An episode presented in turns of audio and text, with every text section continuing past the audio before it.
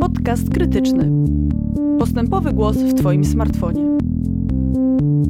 Dzień dobry Państwu. Y, Witam w kolejnym podcaście krytycznym. Y, Dziś moją gościnią jest Katarzyna Duda, ekspertka do spraw polityki społecznej OPZZ, czyli Ogólnopolskiego Porozumienia Związków Zawodowych. Dzień dobry. Dzień dobry Państwu. Zacznę od cytatu. O godzinie 1.28 podpisaliśmy porozumienie. Zaraz potem ruszyliśmy na halę, aby przekazać warunki zakończenia strajku. Mamy to, o co walczyliśmy od roku. Ograniczenie umów śmieciowych, 58 umów na czas nieokreślony dla pracowników jeszcze w sierpniu 2021 i gwarancje systemowych rozwiązań od roku 2022. Mamy drugą w tym roku waloryzację płac, która obejmie 600 osób z 800 pracowników, a także pakiet waloryzacyjny na lata 2022-2023. Łączna wartość wynegocjowanej waloryzacji to nie mniej niż 850 zł. Jest wreszcie to, na czym pracownikom zależało najbardziej. Radykalny wzrost dodatku stażowego. Jego najwyższy wymiar wyniesie 18% płacy minimalnej co miesiąc. Dodatek będzie się także automatycznie waloryzować co roku. Niektórzy pracownicy zyskają na nowym dodatku nawet 600% względem poprzedniego. Wynegocjowaliśmy także pulę 300 tysięcy złotych na świadczenia dla pracowników za okres strajku. Upada więc mit, że za czas strajku się nie płaci. To jest wpis Grzegorza Janickiego, prawnika i działacza Konfederacji Pracy OPZZ, podsumowujący to, jak zakończył się e, strajk e, w Paroku, e, firmie produkującej izolację z wełny mineralnej, położonej niedaleko Gniezna. To był strajk, o którym mówiło się, że jest jednym z największych, jeśli w ogóle nie największym, od bardzo wielu lat w całej Polsce, zwłaszcza w sektorze prywatnym. I zanim zapytam, jak to się stało, że on się udał, to zapytam, jak to się stało, że do niego doszło, dlaczego właśnie tam i dlaczego to jest coś takiego wyjątkowego. No bo skoro przez tyle lat nie było porównywalnego wydarzenia, no to znaczy, że albo mamy rynek pracownika i nie ma po co strajkować, no albo że są jakieś inne powody. A ja zacznę od y, gratulacji dla y, całej załogi Paroku, którzy zdecydowali się na, y, na strajk. E, wykazali się oni bardzo dużą e, odwagą, bardzo dużą e, solidarnością grupową i to dzięki tej determinacji, dzięki temu zjednoczeniu strajk okazał się sukcesem strajkujący osiągnęli e, wszystko, czego chcieli. E, wszystkie ich postulaty zostały e, zrealizowane, a więc jeszcze raz bardzo gratuluję. Zwłaszcza mm, osobom, które brały udział w negocjacjach. To jest między innymi Grzegorzowi Ilnickiemu, którego przed chwilą zacytowałeś. Powiedzenie, że mieliśmy w ostatnich latach rynek y, pracownika y, jest bardzo mm, optymistyczną interpretacją y, nie, tak nie było. Nie mieliśmy do czynienia z rynkiem pracownika i, i nadal nie mamy. Nadal to nie pracownicy dyktują e, warunki na rynku pracy. E, mimo hura optymistycznej narracji rządu, że mamy w Polsce e, bezrobocie na poziomie 6%. Mm, no mówi się najniższym od początku transformacji ustrojowej. Tak i w najniższym w Unii Europejskiej, to mamy w Polsce regiony zapomniane, zaniedbane, w których bezrobocie sięga nawet 20%, a w województwie y, sąsiednim warmińsko-mazurskim e, bezrobocie to 10%. E, a więc y, nie możemy zapominać o tym, że to jest, że 6% to jest średnia, prawda, dla, dla całego kraju. Sąsiednim wobec Mazowieckiego, w, którym, e, w którego stolicy rozmawiamy oczywiście, bo przedmiot naszej rozmowy mieści się w województwie wielkopolskim. Zgadza się. Także rynek pracownika jest tak naprawdę bardzo e, wygodnym, mm, wygodnym powiedzeniem i dla, dla rządu, e, natomiast jest to nieprawda. E, dlaczego mm, w ostatnich latach nie mieliśmy do czynienia z takimi strajkami jak w Paroku? Przede wszystkim dlatego, że sektor prywatny jest sektorem bardzo słabo uzwiązkowionym. Generalnie w sektorze publicznym jest lepiej, natomiast też nie jest to mm, poziom, którego by sobie związki zawodowe życzyły. Poziom uzwiązkowienia nie przekracza 15% w całej Polsce, a właśnie w sektorze publicznym sytuacja jest, jest jeszcze gorsza. A dopytam, bo w niektórych krajach zachodniej Europy poziom uzwiązkowienia również statystycznie nie jest bardzo wysoki, ale porozumienia zawierane przez związki zawodowe obejmują często pracowników, którzy nie są y, członkami związków zawodowych. To w Polsce działa podobnie?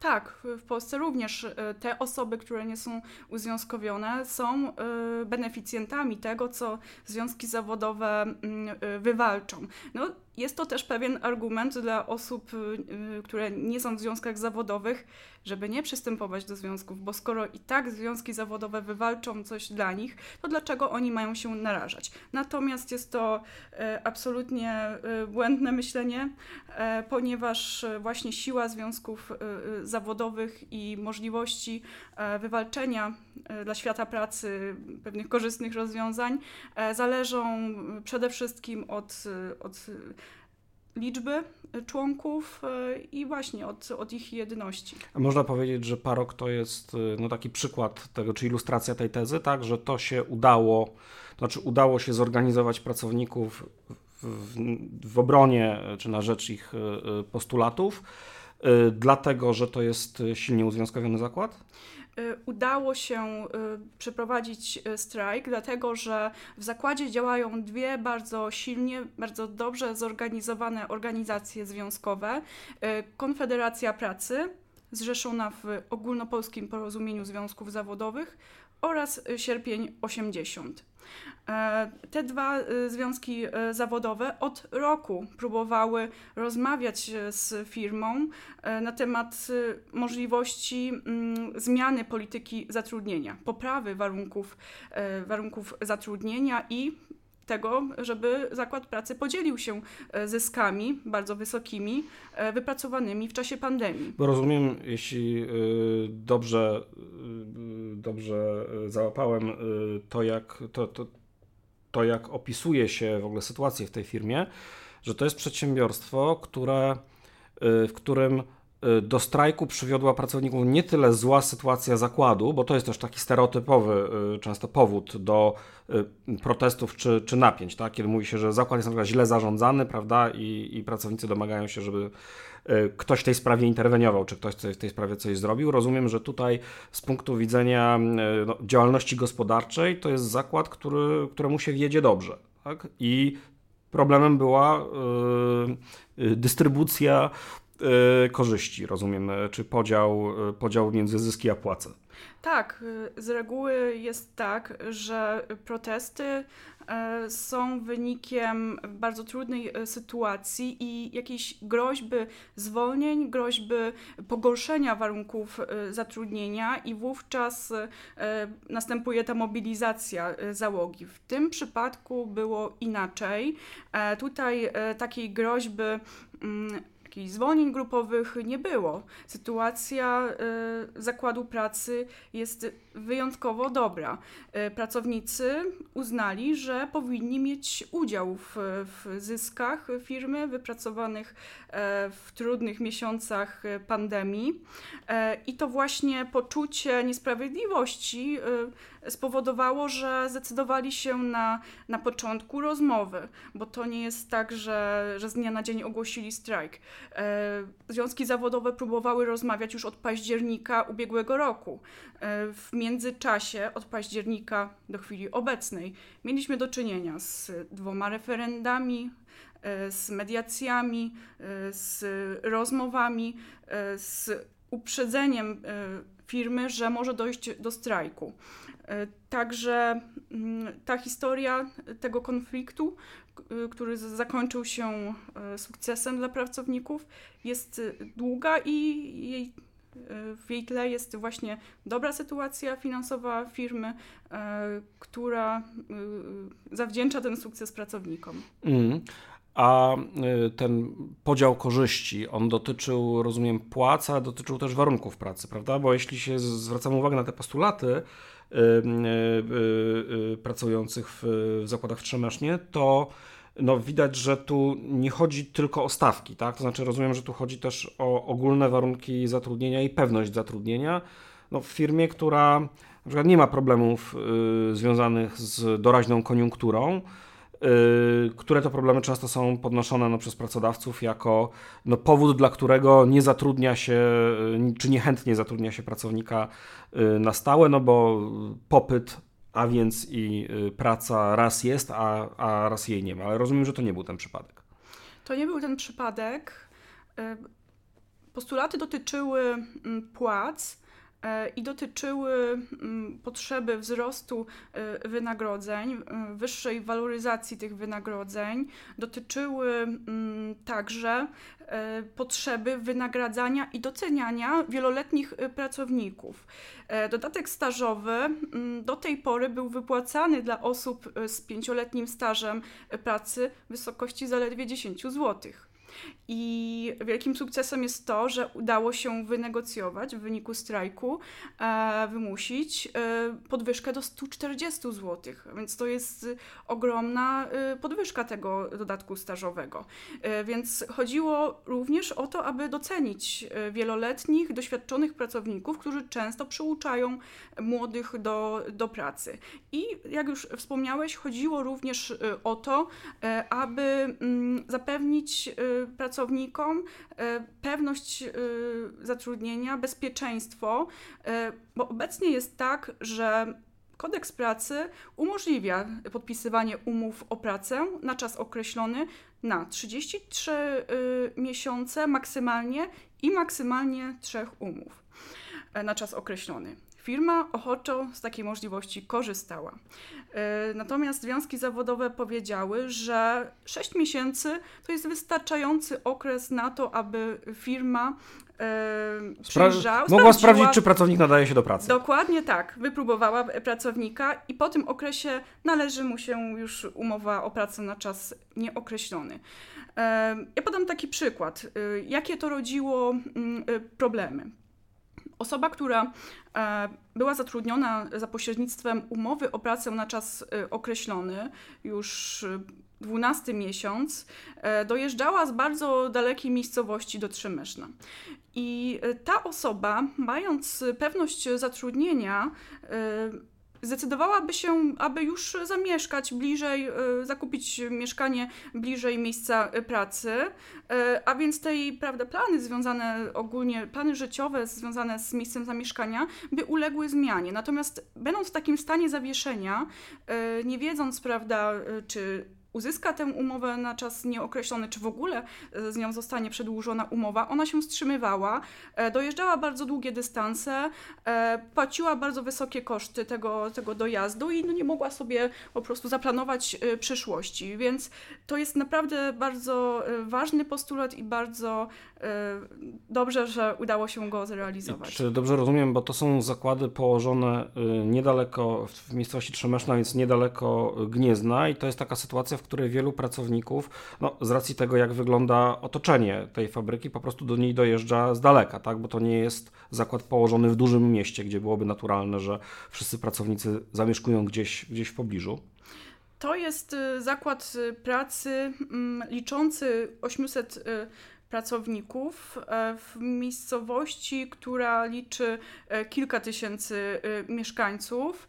Mówi się, że w Trzemesznie E, w każdej rodzinie jest albo pracownik, e, przynajmniej jedna osoba pracuje, albo zna osobę, która e, pracuje w tym zakładzie. I też do tego zakładu dojeżdżają osoby z pobliskich bądź dalej położonych miejscowości, a więc jest to bardzo duży pracodawca w, w całej okolicy. Mhm. To powiedzmy o tych konkretnych czynnikach, które powodują, że to się udało. Rozumiem, że relatywnie wysoki poziom uzwiązkowienia. To jest, to jest ten kluczowy czynnik. Tam są dwa związki zawodowe, czyli Solidarność 80 i y, większa Konfederacja Pracy y, związana z OPZZ. A po co aż dwa związki zawodowe? Jeden nie wystarczy? Y, to dobrze, że w zakładzie są dwa związki zawodowe. Pracownicy mają wybór, mogą wybrać w razie, gdy polityka polityka prawda, prowadzona, związkowa polityka im nie odpowiada. Natomiast dlaczego się udało? Udało się właśnie dlatego, że po pierwsze są związki zawodowe, E, ponieważ to związki zawodowe mają ustawowe prawo do tego, aby organizować strajk. Udało się dlatego, że bardzo wielu mm, pracowników zagłosowało w referendum strajkowym za tym, żeby taki strajk zorganizować. To było prawie 100%, a dokładnie 97,5% z, z tych, którzy zagłosowali. A też przypomnę, że aby takie referendum strajkowe było skuteczne, musi w nim zagłosować co najmniej połowa e, załogi. Udało się e, zgromadzić 60% e, załogi, z czego właśnie prawie 100% była za strajkiem. Stanął cały zakład pracy, nikt się nie wyłamał z, tego, z tej akcji. A pracodawca nie próbował sprowadzać chętnych do pracy z innych miejsc, bo to jest taka praktyka no, znana z historii y, y. ruchu związkowego i walk pracowniczych? Tego nie wiemy. To jest rzeczywiście praktyka. Znaczy nie wiemy, czy, podję, czy, nie podję, czy podjęto takie próby, natomiast do tego nie, na pewno do tego nie doszło. Na pewno do tego nie doszło. Nie wiemy, czy o tym myślano, czy, czy podjęto jakieś kroki. W każdym razie do tego nie doszło. W ciągu tygodnia trwania tego strajku, niepełnego tygodnia, Strajkujący mogli liczyć na y, poparcie społeczne. Uruchomiono y, zbiórkę y, zbiórkę środków, tak, tak zwany fundusz strajkowy, do którego dorzuciło się ponad tysiąc obywateli i obywatelek. Udało się zgromadzić ponad 120 tysięcy złotych. Strajkujący Zostali również e, wsparci przez e, polityków lewicy, a dokładniej przez polityków partii Razem. Na miejscu był obecny innymi e, Adrian Zandberg, który usiadł do stołu z, ze związkowcami, z firmą i który mm, na pewno mm, przysłużył się tej sprawie. A przy, przysłużył ze względu na uwagę medialną, czy no bo to powiedzmy może, to w, w jaki sposób y, uwaga y, partii politycznej pomaga takiemu strajkowi? Bo niektórzy na przykład zdarzają się takie sytuacje z różnych protestów społecznych, nie tylko pracowniczych, w których partie polityczne czy czynni politycy niekoniecznie są mile widziani. Oskarża się ich o to, że próbują upolitycznić protest, co z punktu widzenia interesów strajkujących nie zawsze musi być, nie zawsze musi być korzystne. I w sytuacji, kiedy na przykład negocjuje się z, kiedy pracodawcą jest rząd, prawda, albo przeciwnikiem w sporze, no albo y, kiedy może to jakoś szkodzić wizerunkowi y, y, protestu, prawda? To był przypadek taki kłopotliwy i kontrowersyjny w przypadku strajku nauczycieli, prawda? Na ile na ile dobrze jest, aby taki strajk był traktowany jako strajk opozycyjny prawda, wobec, wobec rządu, a ile nie. To w jakim sensie obecność jednego z liderów najbardziej rozpoznawalnego polityka partii Razem pomaga strajkującym? Jego obecność pomogła, ponieważ przyciągnęła uwagę mediów. I ta właśnie uwaga mediów, zainteresowanie mediów i przychylne e, i rzetelne informowanie o strajku również były jednym z czynników, które mm, pomogły y, strajkującym zwyciężyć. E, także na pewno, gdyby e, społeczeństwo nie, nie dowiedziało się, się o tym, że właśnie politycy lewicy się tak czynnie zaangażowali, ta jego obecność byłaby mm, mniej efektywna. E, także na pewno, ale też jego osobista e, charyzma, osobiste e, umiejętności na pewno również odegrały tutaj dużą rolę.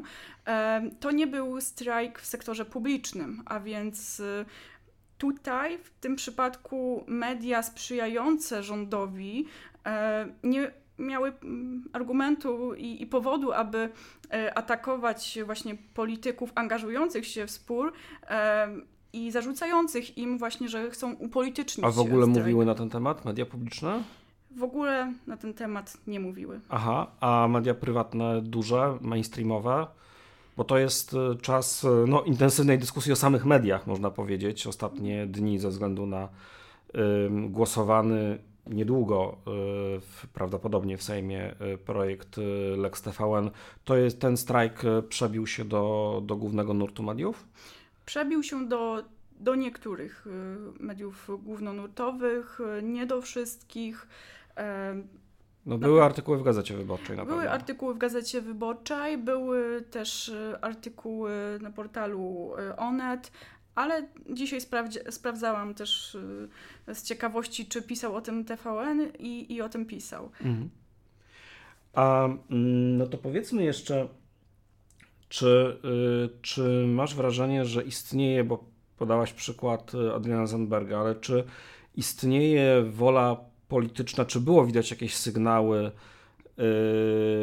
zainteresowania czy poparcia dla tego strajku wśród jakichś innych sił politycznych, czy to był jeden klub? E, to był jeden klub, a nawet uściśliłabym, że to była jedna partia, partia Razem, bo partia Razem e, poza tym, że wysłała tam swoich e, parlamentarzystów, to wydała stanowisko w tej sprawie, stanowisko, które popierające oczywiście strajk, które Konfederacja Pracy e, przyjęła bardzo pozytywnie i, i, i za nie podziękowała. E, natomiast. E, no, była tam też jedna posłanka, która już nie jest związana z partią Razem, ale tak. jest z klubu Lewicy, czyli. Agnieszka Dziemianowicz-Bąk. Tak, natomiast brak było zainteresowania innych ugrupowań politycznych. A powiedzmy, y, jak się takie, bo to jest, y, podkreśliłaś to bardzo wyraźnie, że to jest strajk y, w sektorze, to był strajk, bo już się zakończył w sektorze publicznym, przepraszam, prywatnym oczywiście, a, ale również w sektorze publicznym narastają poważne napięcia. Czy masz wrażenie, że to jest e, wyraz jakiegoś takiego większego trendu? Znaczy, krótko mówiąc, że na rynku pracy, nie wiem, czy to w kontekście pandemii na przykład, yy, dzieje się coś takiego, co powoduje, że yy, narasta niezadowolenie, bo jak byśmy posłuchali przedstawicieli rządu z premierem na czele, no to moglibyśmy się dowiedzieć, że yy, może jakaś inflacja jest, ale płace rosną przecież dużo powyżej tejże.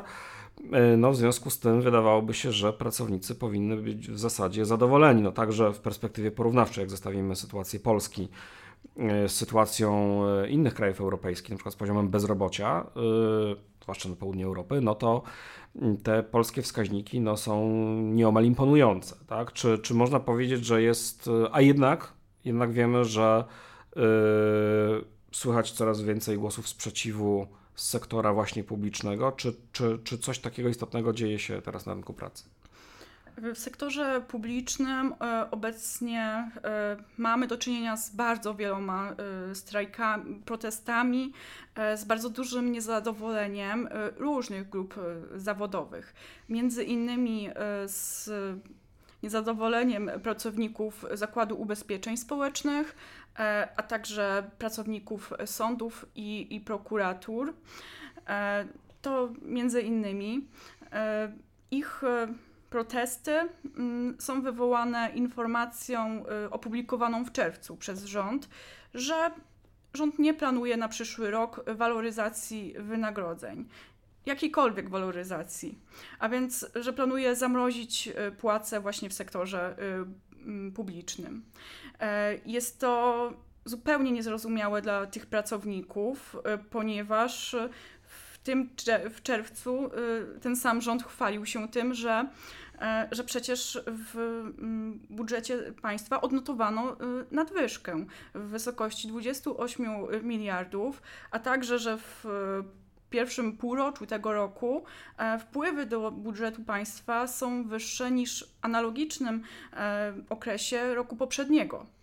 Y, jest y, taka decyzja o zamrożeniu płac niezrozumiała dlatego, że właśnie w ubiegłym roku rząd, y, po, oczywiście też po naciskach strony związkowej, zdecydował się o tym, aby waloryzować płace w 2021 roku o 6%. E, dlaczego więc e, w, w, roku, w którym sytuacja jest, jest lepsza, e, ten rząd nie, nie planuje waloryzacji wynagrodzeń? To jest zupełnie niezrozumiałe. Tym bardziej, że pracownicy w czasie pandemii, pracownicy instytucji publicznych ponieśli ciężar mm, związany z realizacją tarcz antykryzysowych przede wszystkim pracownicy Zakładu Ubezpieczeń Społecznych, ale też pracownicy innych instytucji publicznych, e, które musiały się zmierzyć e, z przyspieszonym e, procesem cyfryzacji.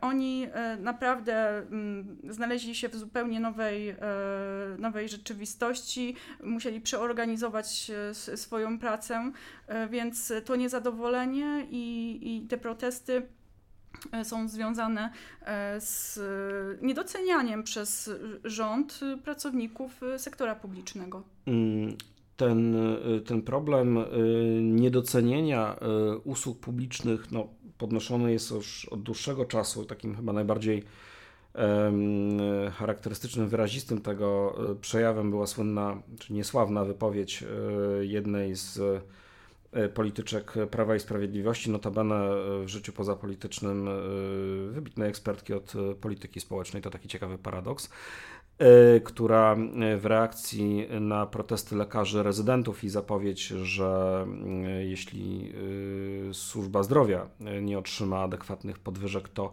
pracownicy będą no, opuszczać Polskę i wyjeżdżać za granicę, miała, nie miała, tylko odpowiedziała wprost, no, niech jadą bardzo, e, bardzo spontanicznie.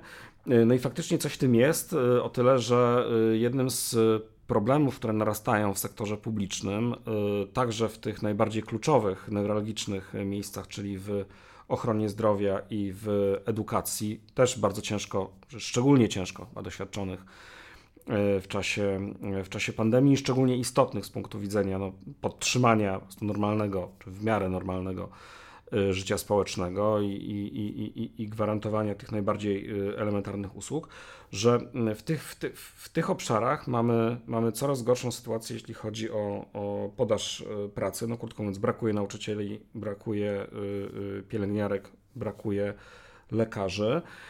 I jak opisywał to między innymi autor książki Druga fala prywatyzacji Łukasz Pawłowski, to w połączeniu z zwiększeniem e, sumy czy wartości transferów bezpośrednich, no, sprzyja takiemu procesowi takiej pełzającej prywatyzacji, prawda? To znaczy, że e, istotna część obywateli e, zaczyna korzystać z usług w sektorze prywatnym, a nieco więcej osób za sprawą m.in. transferu 500 na to już stać, prawda? Czyli ten, ten proces się w pewnym sensie samo samo napędza, a jednocześnie transfery są dokonywane kosztem y, pośrednio oczywiście, ale jednak zamrożenia y, płac y, w sferze budżetowej. Chciałbym w związku z tym zapytać, czy, no, czy związki zawodowe mają jakiś pomysł na uratowanie usług publicznych, bo na początku pandemii wielu ekspertów, także intelektualistów wyrażało taką nadzieję, nie tylko w Polsce, że pandemia trochę nam przywróci proporcje, to znaczy pokaże, co jest ważne, y, ustawi na nowo priorytety, y, uświadomi nam jako społeczeństwu, y, które funkcje, które, które prace wykonywane w społeczeństwie są rzeczywiście istotne, rzeczywiście kluczowe i które w związku z tym powinniśmy adekwatnie do tej, do tej wagi, do tej, no może niezbyt ładne słowo, ale społecznej użyteczności wynagradzać. No i Y, czy, czy, czy, czy, jest jakiś, y, czy jest na to jakiś pomysł, jakaś, jakaś strategia, jak te usługi publiczne uratować przed tą pełzającą prywatyzacją? Y, związki zawodowe od lat zwracają uwagę na to, że do mm, erozji kadr w sektorze publicznym, do tego, do odpływu kadr, wykwalifikowanych kadr w sektorze publicznym, przede wszystkim mm, przykładają się e, niskie płace, że to właśnie e, one wypychają pracowników e, z sektora publicznego do sektora prywatnego. No, w którym relatywnie I... te płace rosną wyżej. Znaczy, tak. po prostu rosną. Rosną, tak, zgadza się. I w odpowiedzi na to związki zawodowe postulują przede wszystkim wzrost wynagrodzeń w, sferze, w sferze budżetowej.